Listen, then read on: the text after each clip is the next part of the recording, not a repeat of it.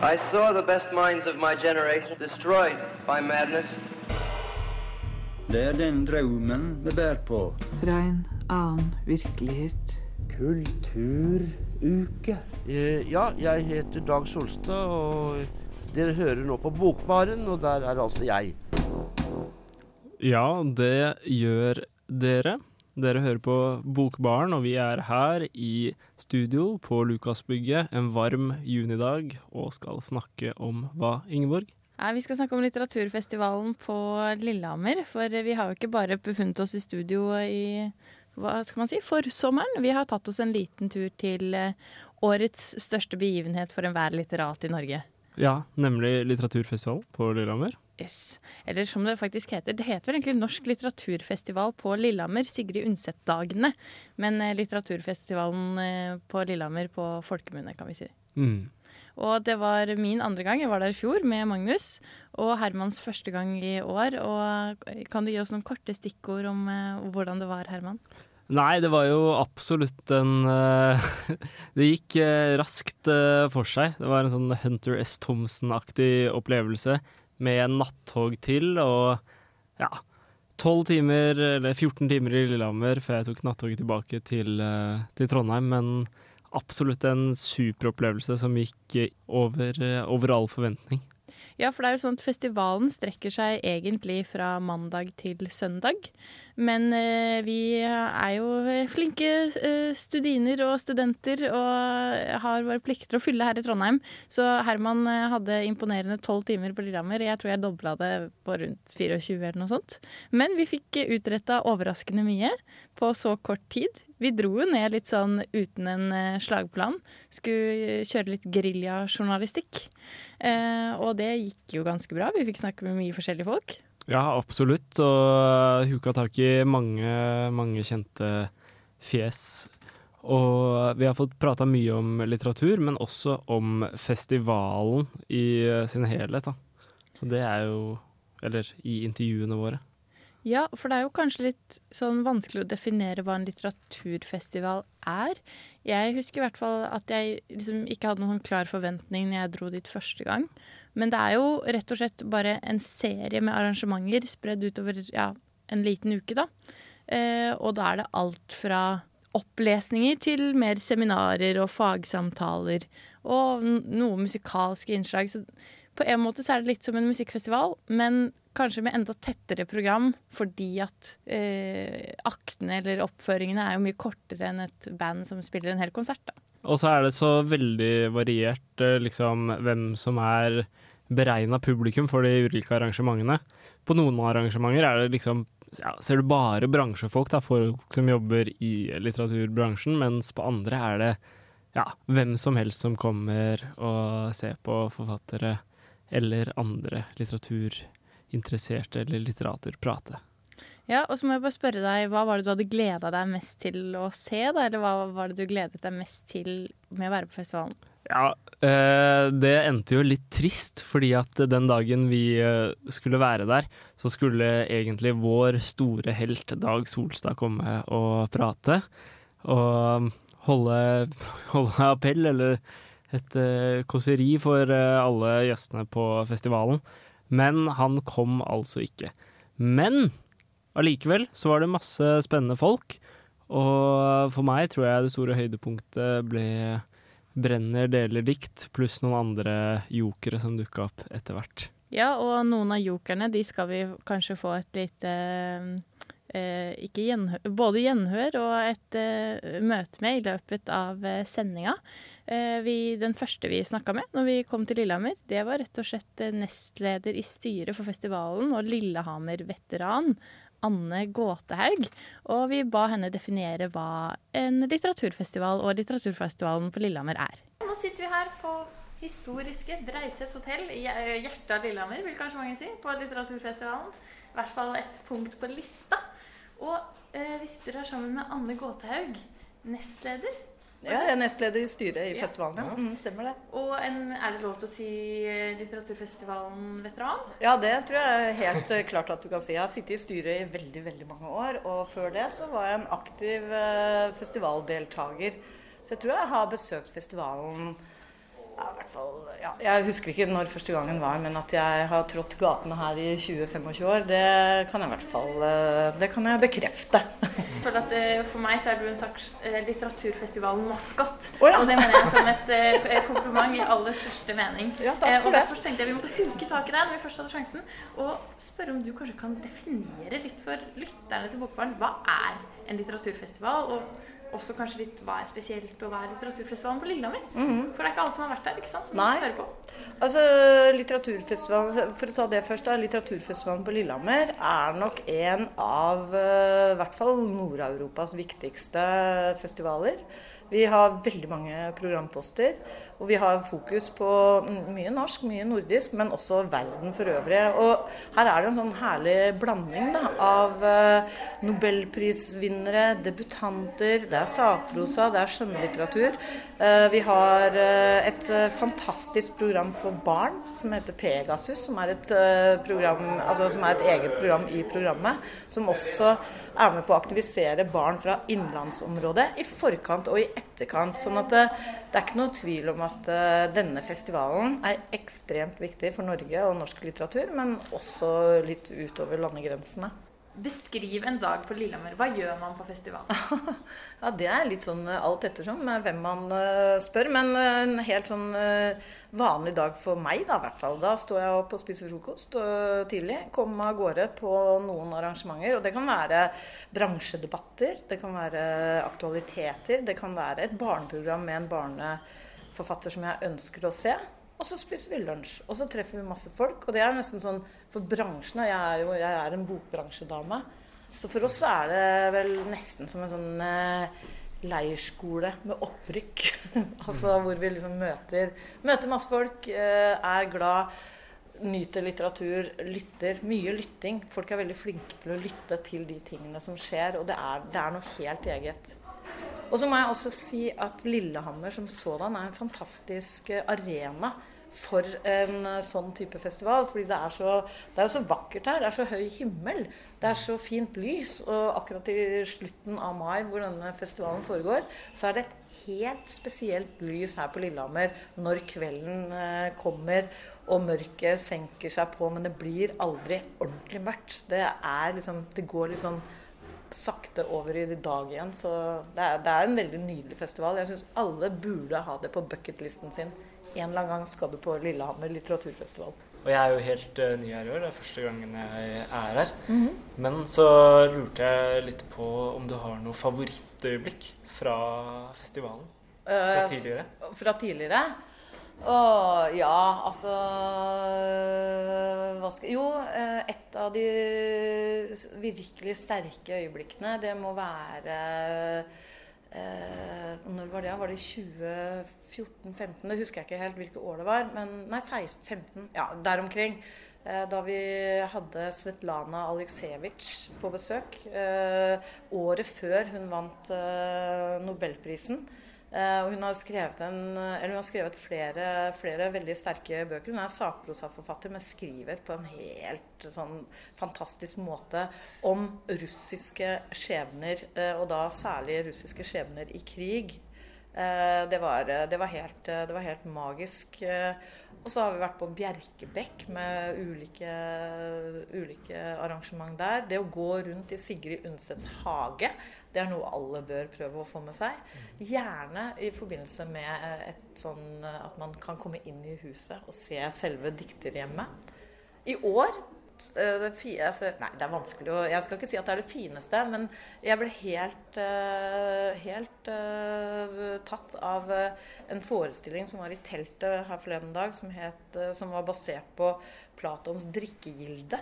Hvor man hadde en musiker og et par skuespillere som bandt hele dette sammen med eh, flere opplesere som hadde fått i oppdrag å snakke om ja, altså sin definisjon, eller si, ja, kjærlighet var tema helt forskjellige historier bundet sammen da av disse gamle tekstene. Så jeg- nei. Så, ja, nei. Jeg, kan, jeg, jeg vet ikke hvor jeg skal stoppe, jeg. Eh, Og så vil jeg, hvis jeg kan få lov å bare komme med et tilleggsmoment, og det er jo dette Rom 316, som ikke er i det offisielle programmet. og Det er, liksom, det er akkurat som altså, i folkemusikken. Når man har På Landskapleiken, så har man noe som kalles buskspel, gjerne. og Det er musikere møter hverandre på et hjørne eller bak en trestubbe og spiller og har det gøy sammen. Her på Lillehammer så har uh, journalistveteran Tom Stalsberg hvert eneste år i 12-13 år hatt et uh, prosjekt. Uh, det starta da med Dagbladet, hvor han inviterer han, bare går, han går ut i gata og shopper forfattere som han liker og kjenner, gjerne lyrikere.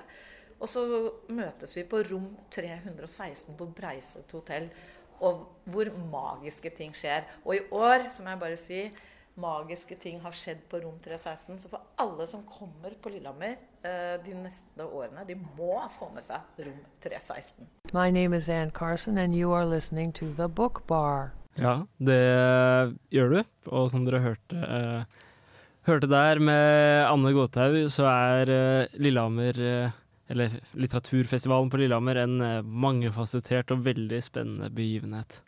Ja, virkelig en eh, god eh, reklameplakat for festivalen og for Lillehammer som eh, by som sådan, det der. Og som dere også kanskje hørte, så er ikke eh, Anne Gåthaug den eneste eh, Anne vi har snakka med på festivalen. Vi har også snakket med en dame med navn Ann Carson, som eh, vi, du skal høre litt mer fra senere i sendinga. Men eh, nå er jo det fredagsmorgen. Vi er på Lillehammer, Herman. Eh, du har akkurat kommet og vekt meg på hotellrommet, og vi gjør oss klar for å starte dagen. Og vi beveger oss ned mot sentrum for å hente ut pressepass. Ja, vi eh, Etter en frokost på hotellet, så ja, tusla vi ned de bratte bakkene fra Scandic Lillehammer til eh, til eh, festivalteltet og biblioteket, der vi kunne hente, kunne hente presseakkrediteringen vår. Og så var det første arrangement, og det var Brenner deler dikt i et festival, festivaltelt, da, som liksom er en av hovedscenene i Lillehammer. Og ja, og dette festivalteltet ser jo litt ut som et sånn eh, gammelt eh, sirkus.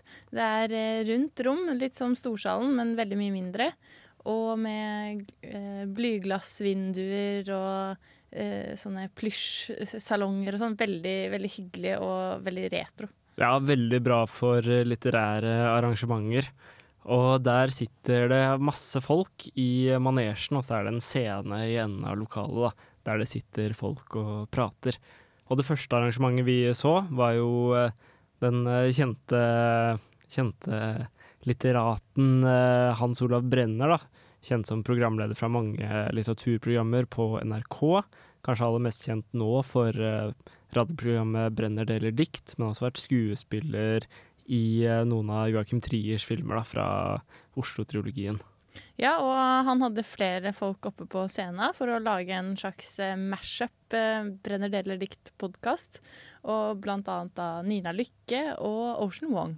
Ja, absolutt uh, stjernespekkede gjester denne gangen. Ocean Wong er jo en av uh, ja, kanskje verdens største diktere akkurat nå. Utrolig kjent. Amerikansk-vietnamesisk og er ja, absolutt veldig aktuell. Blitt oversatt til uh, norsk, tror det er på Samlaget. Og så er det jo Nina Lykke, da, en forfatter som har rukket i løpet av de ti siste årene å bli utrolig folkekjær. Ja, virkelig. Og det var veldig spennende å høre. Uh, altså, vi driver jo med live radio selv, men det var noe veldig annet å se det uh, som publikummer. Og man lar seg jo inspirere både av liksom håndverket til de som holder på med dette her, men også av de diktene som eh, ble delt av de som var på scenen. Da. Og Ocean Wong leste jo flere av sine egne dikt høyt også. Så hvis den Brender-diktepisoden har kommet ut, så er det absolutt å anbefale for å få med seg litt av Lillehammer-viben. Ja, absolutt. Det var veldig følelsesladd å høre på Ocean Wong eh, lese. Det er veldig inderlig. Og jeg fikk eh, Fikk tatt et par ord med han etter at eh, han hadde lest og vært på scenen. og Veldig hyggelig, hyggelig fyr. Ja, og så er det jo sånn at når man er på Lillehammer, da, så eh, tikker jo klokken. Så vi måtte rett og slett, etter Brenner Delrikt bare løpe videre til det neste som sto på lista. Og Herman, du endte i Kulturhuset Banken. Mm, et uh, veldig sånn Det er også et annet sentrum der det ble et sånn hovedknutepunkt uh, for oss på festivalen. Og der var jeg på ja, ulike kritikerseminarer med f.eks. Toril Moi, da. Ja, og jeg var også på et seminar der nede som het Vi ser woke i Hvitøy, hvor Helene Uri og eh, Morten Jørgensen og Alexander Even Henriksen, som er eh, forlagssjef i eh, Bonnier, snakket om sensitivitetslesere opp mot den Roald Dahl-saken. da, Det var liksom tematikken. Eh, og det ble ganske enighet fra scenen der om at sensitivitetslesere, det er vi ikke så happy med. Men at noe sensur, kanskje f.eks. barnebøker, kan være viktig, det òg. Mm, absolutt. Men vi tok jo og prøvde oss litt på å være eh, Hans Olav Brenner selv, vi. For rett etter Nina Lykke gikk av scenen med Hans Olav, så tok eh, vi henne til side og spurte om hun hadde ti minutter til Bokbaren. Ja, og vi har eh, hatt et intervju med henne som dere skal få lov til å høre nå. Jeg har ganske mange oppdrag her. Jeg har jo faktisk skrevet en bok som handler delvis, eller ganske mye om Lillehammer. Som faktisk foregår Handlingen foregår bare på Lillehammer, i Lillehammerfestivalen. Fordi det handler om en eh, forfatter som hadde en suksess for mange år siden. Og nå ble han invitert på bare én ukes varsel til Lillehammer. Og det betyr jo at eh, man er veldig vikar, da. Ikke sant? Men han stiller opp. Og prøver å, å, å, å få ut så mange bonger og gratis overnattinger og ting og tang og børst og mat som man kan, da. Det er jo eh, litt morsomt, for det er det faktisk. Jeg tror det er veldig mange som holder på sånn når du er sånn fattig forfatter. Det er jo ikke jeg lenger nå, da. Men når man er sånn fattig, så blir man veldig sånn på alt som er gratis. Blir sånn veldig klorete på det. Har du telling på hvor mange ganger du har vært her? Ja, jeg tror jeg har vært her tre ganger før. Først som debutant i 2011. Og da blir alle debutanter blir invitert hit på noe sånt seminar. Og så var det i 2014 med 'Oppløsningstendenser', som er den første romanen, andre bok. Og så var det, tror jeg, i 2017 med, med 'Nei og atter nei'. Og så lurer jeg på om jeg kanskje var her med full spredning. Jeg tror kanskje jeg har vært her fire ganger før. og Dette er femte gangen. Um, og da kan jeg spørre, hvor leser du best? Er det her på Lillehammer, eller er det i fred og ro? Du er jo en, virker som en veldig energisk og utadvendt person. Er du en på en måte utadvendt leser som kan lese hvor som helst, eller må du Ja. ha det stille rundt deg? Nei, jeg kan lese hvor som helst. Jeg, jeg kan lese på buss og tog og trikk og båt og fly og sånn. Men eh, jeg leser jo mye på sånn eh, andre plattformer nå. Jeg leser jo mye på e-bok, rett og slett av praktiske årsaker. Og eh, fordi at jeg leser ofte ti bøker på en gang, så da er det dumt å ha med seg ti bøker hvis du skal bare på én overnatting. Og så er det lydbøker og podkaster, som jeg også er veldig glad i. Du nevner jo tittelen på den nye boka di, eller den ferskeste romanen din, 'Vi er ikke her for å ha det morsomt'. Det virker jo som du har det ganske morsomt. Ja. Ja, det er det som er litt sånn eh, paradoks, da. Men jeg, jeg møter jo eh, mye sånn med humor. Altså, jeg, jeg har eh, Jeg syns jo det er den eneste måten å, å kanskje takle veldig mye på, da. Fordi eh, jeg, jeg har kanskje en litt, sånn, litt vel velutviklet humoristisk sans. Jeg ler av veldig mye som kanskje andre ikke ville le av. Men det er litt sånn for å more meg selv også, for det er deilig å le. Og det er slitsomt å drive og bli så opprørt og sånn. Det blir jeg jo selvfølgelig også, da, for det er jo mye rart som skjer. Men, men det er kort vei til latteren for meg, da. Og så tenker jeg også at hvis man f.eks. har en samboer, da, som jeg har, jeg har en mann, og da jeg er jo litt sånn at jeg, jeg syns ikke vi skal klage så mye som vi gjør. ikke sant? Men vi kan godt klage på privaten. Der er det ingen grenser. Men da er det gjerne morsomt å klage over veldig små ting. Og lage det veldig stort. ikke sant? Men da må man gjøre det underholdende for sin partner. da. Hvis ikke så blir det jo ut, uutholdelig for dem. ikke sant? Hvis du skal bli en sånn Og jeg kan jo være veldig sånn ja, litt sånn negativ, altså. Og da må jeg kontre det med litt sånn humor, for ellers så holder jeg ikke ut meg selv. ikke sant? Så er, jeg tror det er der det ligger, da. Jeg syns det er vanskelig Eller sånn Du har jo et alvor som jeg opplever da i bøkene dine, og, og tar opp ulike problemstillinger vi har i samfunnet vårt. Syns du det er vanskelig å finne den balansen mellom humor og alvor i skrift? Eller kommer det naturlig? Nei, det kommer nok ganske naturlig, men, men det er vanskelig å finne fram til den uh, tonen, da. Til, til eh, stemmen, ikke sant. Det, den, det er jo det man strever med, med, eller i hvert fall jeg, med hver ny bok. Å finne den stemmen. Og, og da er det jo, ikke sant, hvis jeg skriver noe fordi jeg skriver om noe for jeg syns det er en så utrolig morsom og spesiell hendelse, da pleier den hendelsen ofte ikke å bli med i boka. Fordi det er så tydelig at denne er bare med for, fordi jeg syns den var så morsom og interessant og spennende, og, og fordi den understreker poenget eller et eller annet sånt. Da blir, da blir den ofte strøket, altså. Fordi det er noe med den der villetheten som syns veldig godt i skriften når du får det på trykk. Når du har skrevet ut disse arkene og sitter og leser gjennom.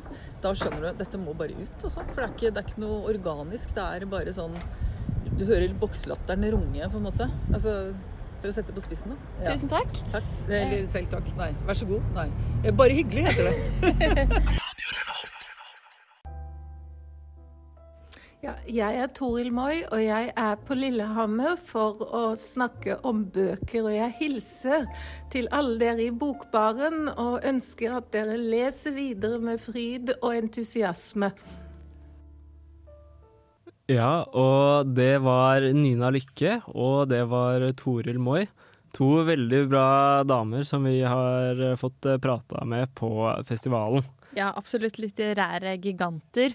Og som eh, eh, reportere i gata, så måtte vi nesten bare huke tak i folk der hvor vi, de sto og gikk. Og derfor så har vi litt sånn kjip lyd noen ganger på intervjuene, så beklager det. Men eh, vi tenkte heller det var verdt å få høre hva disse smarte damene har å si. Ja, og Toril Moi fikk vi huka tak i på morgenen under eh, frokosten. Vi spiste på Scandic eh, Lillehammer. Og eh, jeg fikk et par ord, ord med henne, da. Så det er veldig fint. Og for de som ikke er kjent med henne, så er hun en veldig kjent litteraturviter, akademiker, professor, som jobber både i Norge, men aller mest i USA, da. Ja, og jeg syns det er godt at du sier at vi huka tak i henne på frokosten, Herman. For det er vel et godt eksempel på hvordan det er å være på Lillehammer, da. Eh, For der eh, Det er jo en relativt liten by, og det er veldig mange tilreisende til litteraturfestivalen, både publikum og deltakere.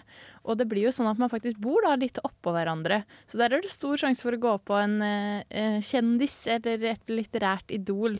Og vi, Frokostbuffeen på Scandic ble jo arena for eh, eh, flere intervjuavtaler for oss. Så det var eh, veldig, veldig moro. Ja, absolutt. Det er eh, en gullgruve for vordrende journalister, hvis man kan si det på den måten. Men eh, etter det her, da, både eh, ja, Brenner dere dikt, intervju med Nina Lykke og to seminarer, da var vel klokka blitt ett. Så vi hadde rukket mye på de få timene vi hadde vært aktive. Men da satte vi kursen mot en perle som eh, Anne Gåtehaug eh, allerede har tisa litt for oss i intervjuet. Ja, fordi rett etter at vi var ferdig på våre første kritikerseminarer, sagt hei til Thomas Korsgaard fra Danmark, og møtt vår frilansfotograf, pensjonert Radio Nova-journalist Morten Bjerklund, så dro vi til Breiset hotell i Lillehammer, og der var vi på rom 316. Ja, og rom 316, Anne forklarte det jo lite grann, men det er rett og slett da Tom Stalsberg, eh, journalist, som eh, samler inn flere forfattere som kommer innom dette rommet og leser høyt fra ja, enten ting de har publisert før, eller litt sånn eh, Jeg ser for meg at det kan skje mye spontant der òg. Og så er det åpent for de som eh, kommer forbi og får plass, for det er jo rett og slett inne på et ganske lite hotellrom.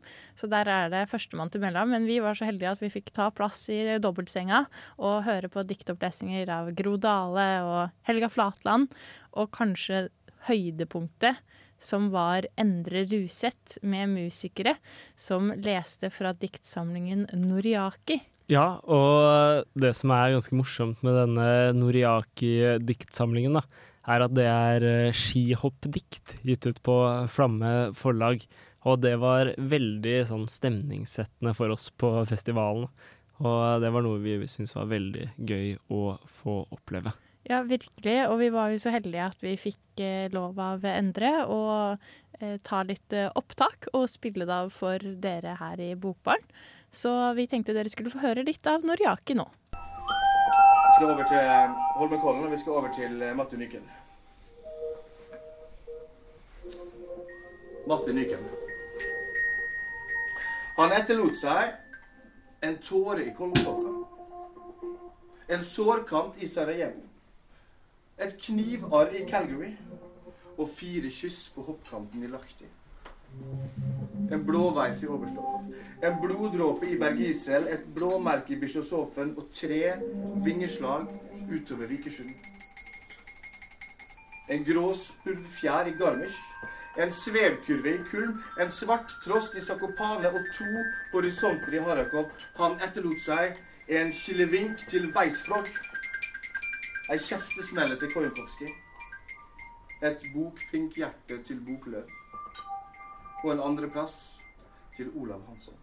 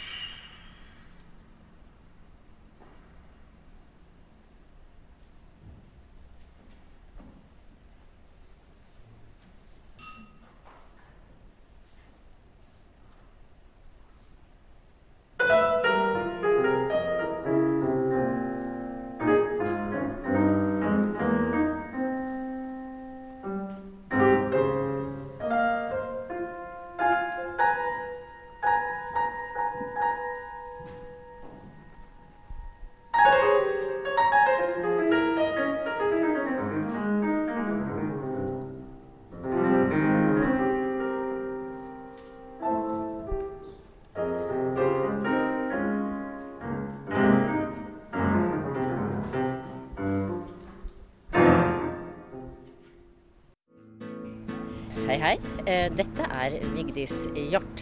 Jeg liker navnet på denne radiokanalen, Radio Revolt. Hør på magasinet Bokbarn. Det å sitte på bar og lese bok, det er ikke det verste.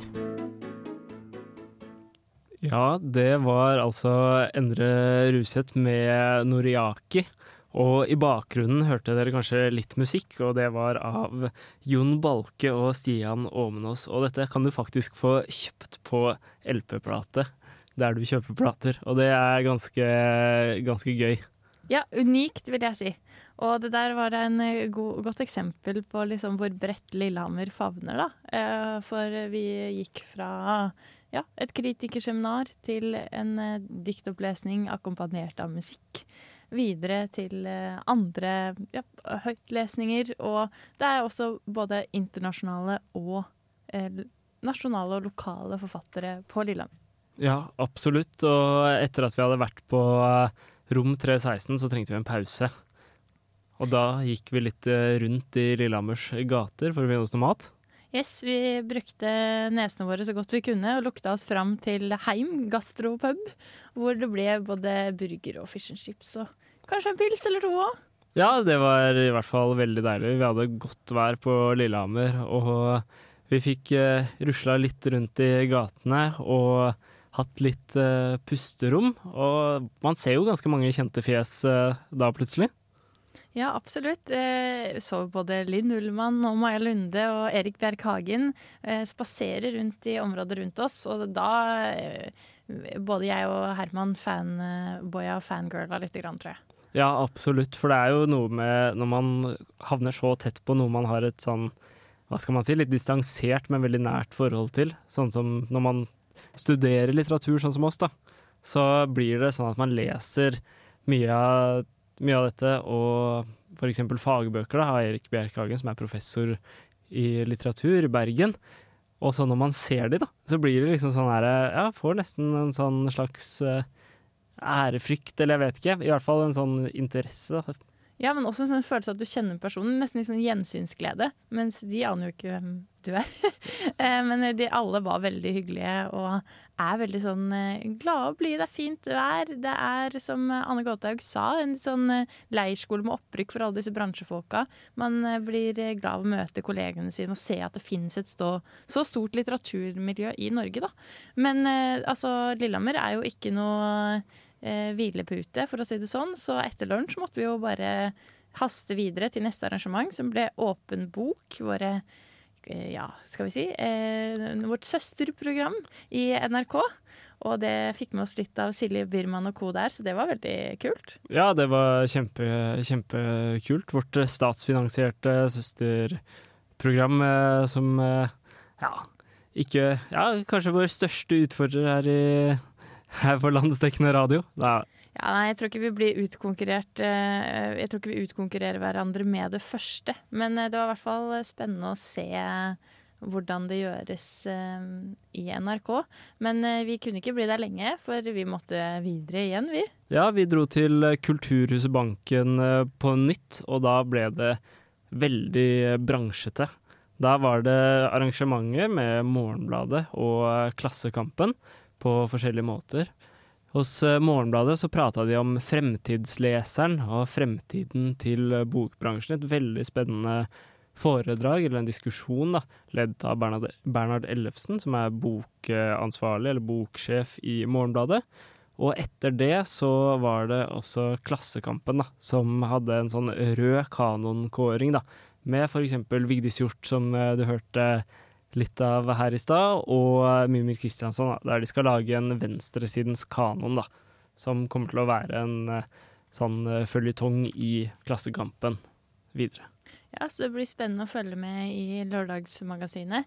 Eh, men eh, vi var jo også der på lørdag. Da hadde Herman riktignok eh, måtte tatt nattoget hjem i løpet av natta. Mens jeg skulle bli en halv dag til, rett og slett fordi vi måtte benytte sjansen til å intervjue Ann Carson. Som du hørte fra litt tidligere i sendinga. Men hun var rett og slett en av de vi grep tak i da, på frokostbuffeen på hotellet. Og veldig, veldig hyggelig dame. Eh, og hun var der sammen med mannen sin, Robert Curry. De er en litt sånn kunstnerisk duo. For mens eh, Anne driver da med diktopplesning, eller eh, performance som de kaller det, så eh, er Robert det hun kaller a randomizer. Så han går rundt og gjør forskjellige ting på scenen. Og i den performancen vi så på Lillehammer, så var det Anne Carson som leste opp et dikt som heter Stax. Mens Robert Curry gikk rundt sammen med Nils Fredrik Dahl og flyttet på pappesker rundt omkring på scenen. Um, så veldig interessant, og det var veldig fint å få tatt en prat med de. Så da tenkte vi at dere skulle få høre hva Anne Carson hadde å si. What brings you to Norway and to the festival here in Lillehammer? Lynn Ullman. Lynn Ullman, yeah. She forces us to go strange places in the world and do strange things. Uh, what has your um, reaction from your Norwegian readers been if you have been talking to them? I think the only one I talk to is you and Lynn Ullman, so it's pretty positive so far. That's good. The critics and the reviews are uh, magnificent. okay, say that. But uh, as I understand, you two live in Iceland these days. Part of the or time. Part yes. of the time. Yeah. Yes. Well, we did some art projects with artists there some years ago, about 15 years ago. And then we really liked the landscape, the emptiness of the place, and, And the people. And we especially liked the people, so we thought it would be a better way to live. I thought it might be the professor in mythology in you that was drawn to the sagas. And No, I can't the stand the sagas. But you do actually. I hate sagas. But you used to do that And thing myths. with Armand and Ragnar Helgi. I once tried. I tried to read the sagas in English with two people who were reading it in Icelandic. One of whom was a saga expert. expert. Yeah, in Iceland. And they had a whale of a time because I think they're great in Icelandic, but in English, they're just very strange. So we won't uh, get any saga literature from you uh, No. in the coming uh, years. Not soon, no. Not soon. But are you writing right now, or Uh, no, I'm nothing specific? Maybe or- drawing drawing. A of beautiful scroll. volcanoes. A nice, beautiful scroll, actually. I'm making a scroll, but the subject matter is a volcano. When we were in Iceland last year, they had a volcanic eruption, which we could see from our kitchen window Wow. across the fjord. So th- that was the inspiration. Yeah, I started to draw, you know, that volcano. And volcanoes are quite attractive, also quite easy to draw or paint because you just put a lot of red in. It looks terrific. But how's your process?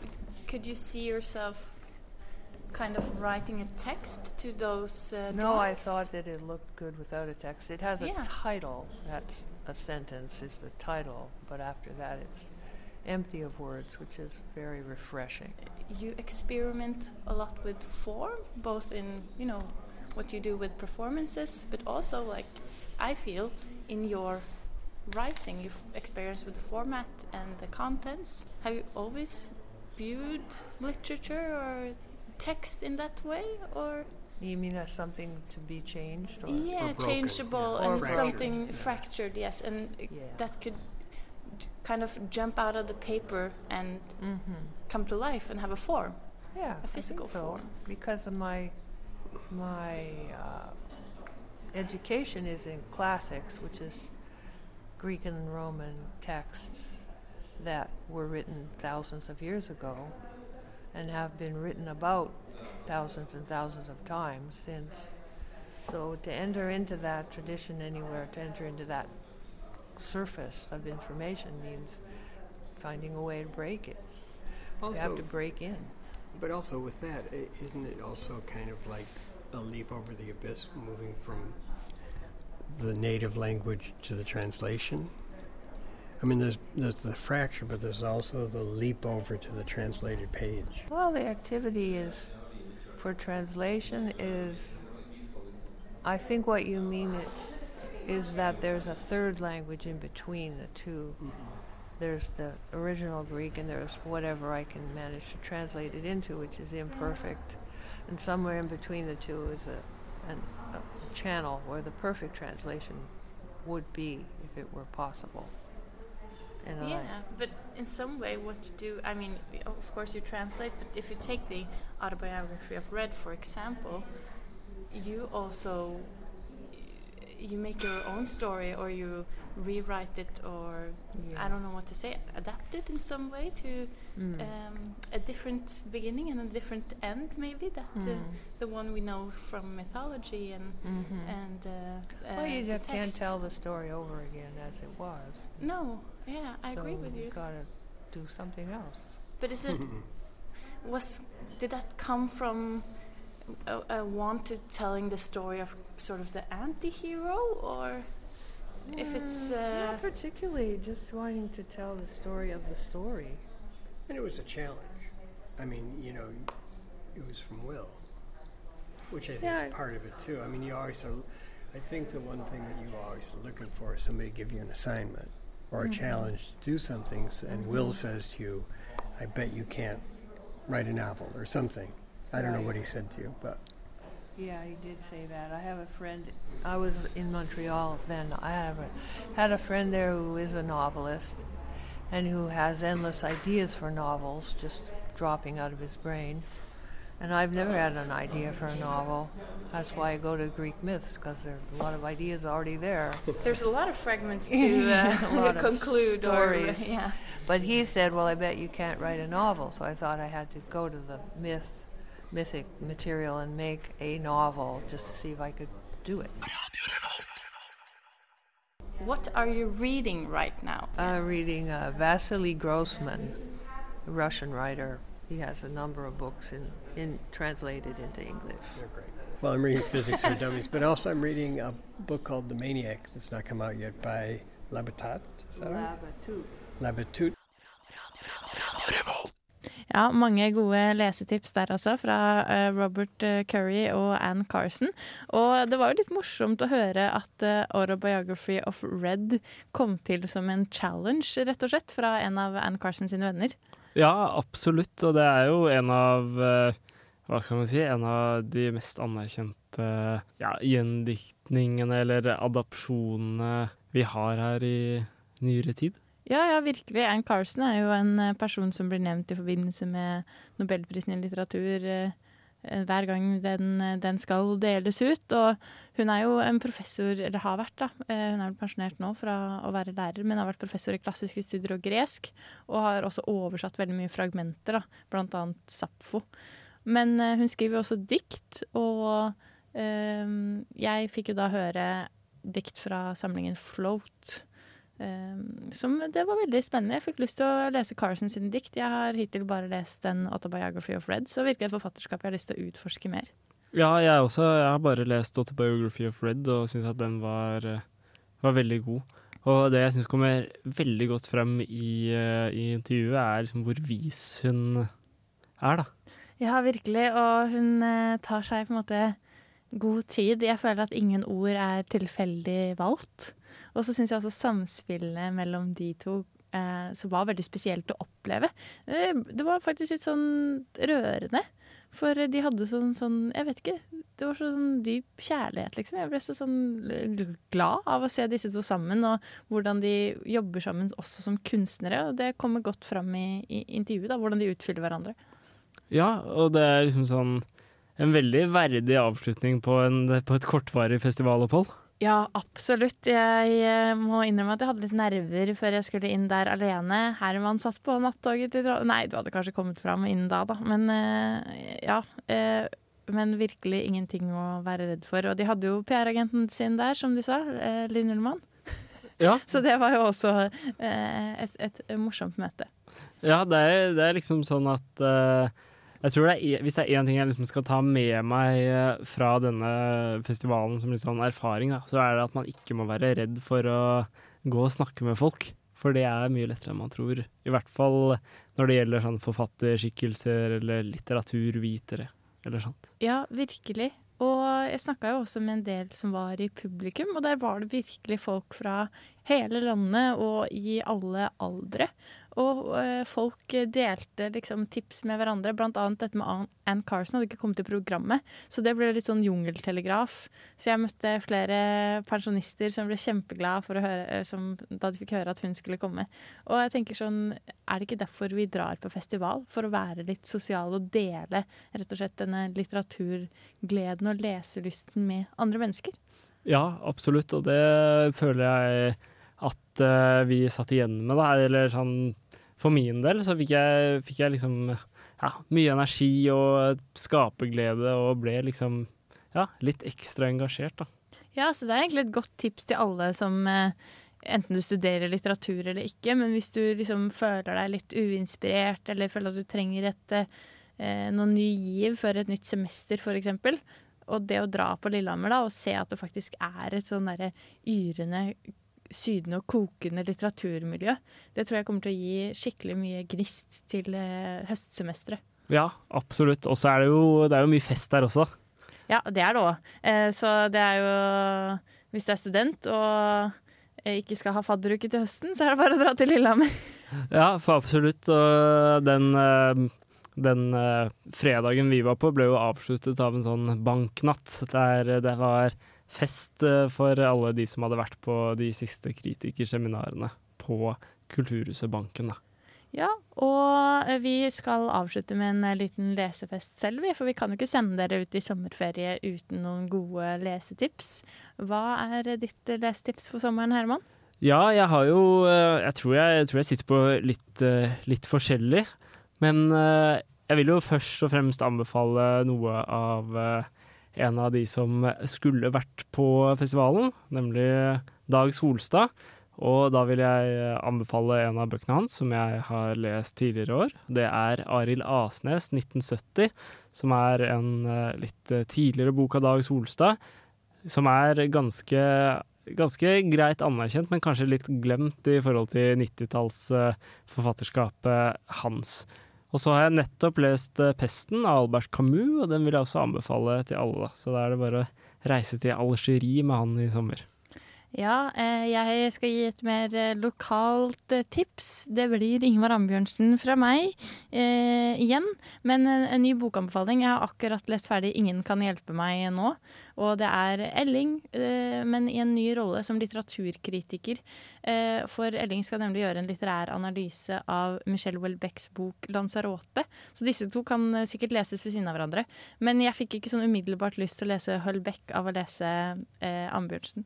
Og så vil jeg anbefale 'Brenner deler dikt' med eh, Sten mot ruten dikt i natten-episoden med Mattis Herman Nyquist. Og nå skal vi høre 'Stacks' av Anne Carson. Stacks. Stack of the seas of the moon in alphabetical order.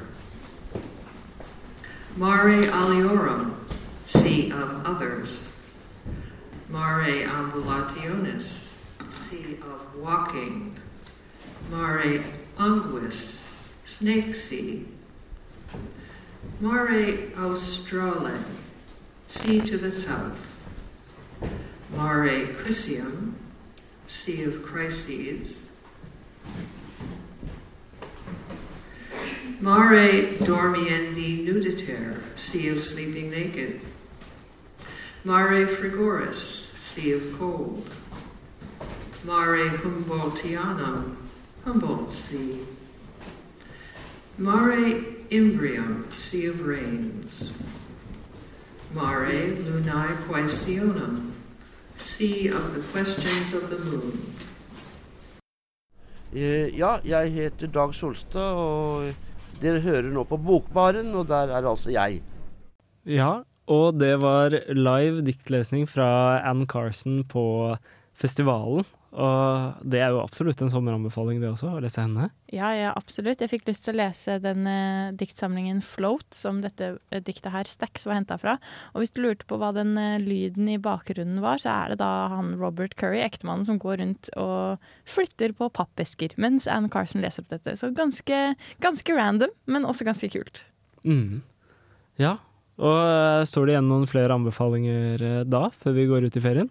Nei, det er vel egentlig å gå inn på radiorevolt.no og følge med på Bokbarns Instagram i løpet av sommeren, for vi har forberedt enda flere lesetips til dere, vi. Men de kommer da i skriftlig form på radiorevolt.no, og det kommer vi også til å legge ut på Instagram da, når det ligger på hjemmesidene våre. Ja, så da er det bare å følge oss eh, på Instagram, Bokbaren Revolt. Der eh, legger vi ut alt vi eh, driver med, når vi driver med ting. Ja, og så gjenstår det bare for eh, oss å si god sommer! God sommer.